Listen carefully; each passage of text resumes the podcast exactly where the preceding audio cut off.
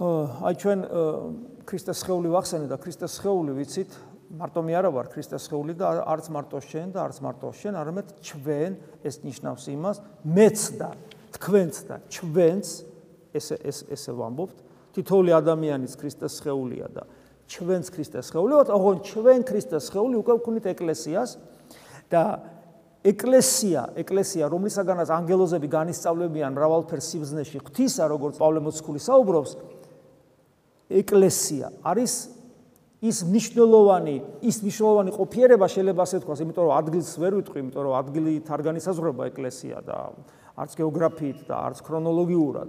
ეს არის საიდუმლო სხეული ქრისტესი. ამიტომ რაღაც ყოფიერება, რომელთაც ქრისტე თავის თავს ავლენს. ეს არის ყოფიერების ის ის საოცარი ფენომენი ყოფიერებისა, სადაც ქრისტე თავის თავს ავლენს, სადაც ქრისტე იძებნება და ყველაზე ერთ-ერთი ყველაზე მნიშვნელოვანი პრობლემა თანამედროვე ქრისტიანობაში არის სწორედ ეს. როდესაც ადამიანები ეკლესიაში ქრისტეს ვერ პოულობენ. ამის გამო ზოგი გულგრილია, ზოგი ფარისეველია, ზოგი ფანატიკოსია და ზოგი მიდის ეკლესიიდან და ეს რატო ხდება? იმიტომ რომ ეკლესიაში რომ მოვიდნენ, დავინახეთ, ეკლესიაში მოვიდეთ, დავინახეთ. კედლები დავინახე და არ არის რაღაც ეს კარიფერი არა აქვს ამ კედლებს. არც მოხატული არ არის. ხატი დავინახე და არ მომეწონა. ჩემნარი მგდელი დავინახე და არ მესიმპათიურა. ბრევლის წევრი დავინახე ერთი მეორეს ეჩხმებოდა ესენი ვინ არიან. გესმით? და ასე შემდეგ, ანუ რაღაცები დავინახე და არ მომეწონა. და მე მეგონა რომ ეკლესია ეგ არის და დავიწყე ამათ წინააღმ და ჯერ მოვინდომე რომ ეს გამოვასწორო. კედლებით შევცვალო, სახურებაში რაღაც შევიტანო ნიუანსი, მგდელს ჭკუა ვასწავლო, მრევლი დავა დავმოძღორო და ვნახე რომ არ გამომდის. არ გამომდის. ეს საოცარი რამეა კიდე. არ გამოგდის. მე მოვინდომე რომ რევოლუციურად რაღაცები გამოვასწორო. ჩემს კრიტიკაში მართალი შეიძლება ვიყო, მართალიც. მოვინდომე ამის გამოსწორება. შედეგი არის ნულოვანი, არაფერი არ გამომივიდა, არაფერი არ გამომივიდა და ნახეთ რა რა ხდება მე. მე ვამბობ, ესენი ვინ არიან საერთოდ და ვიწყებ ამ ყველაფრის წინააღმდეგ ბრძოლას.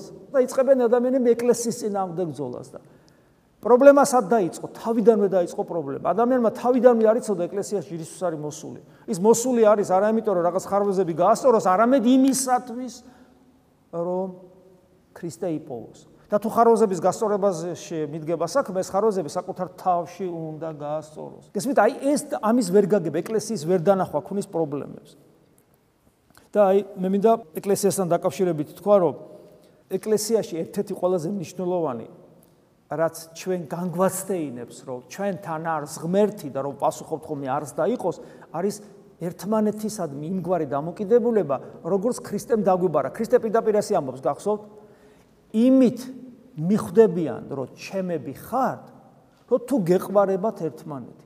ამიტომ თუ ჩვენ ვეზიარებით ერთ-ერთი მიზეზი ზიარების არის ის, რომ ქრისტემ დაგვიბარა ანდერძათ რომ ჩემს მოსახსენებლად ეს გააკეთეთო და ამიტომ ეზიარებით ასევე ქრისტემ დაგვიბარა რომ ერთმანეთი თუ გეყარებათ ამით მიხვდებია რომ ჩემები ხართ. ამიტომ ჩვენი ერთმანეთისადმი სიყვარული არის ერთ-ერთი მთავარი ნიშანი იმისა რომ ქრისტესნი ვართ ბუნებრივია რომ ამის გარეშე ახლა თქვენ უნდა ეზიაროთ ხო? აი ამის გარეშე ზიარებასაც აზრი არ აქვს, იმიტომ რომ ზიარების უმთავრესი პირობა არის ერთობის განცდა, რა თქმა უნდა, ერთობის განცდა არა სიძულვილით, არამედ რა თქმა უნდა, ერთობის განცდა სიყვარული. დღეს გესმოდათ ეს სიტყვები, რასაც ახლა მე გაგიმეორებ, ვიყვარებოდეთ ურთიერთარს, რათა, ნახე, ვიყვარებოდეთ ურთიერთარს. ეს პირობა.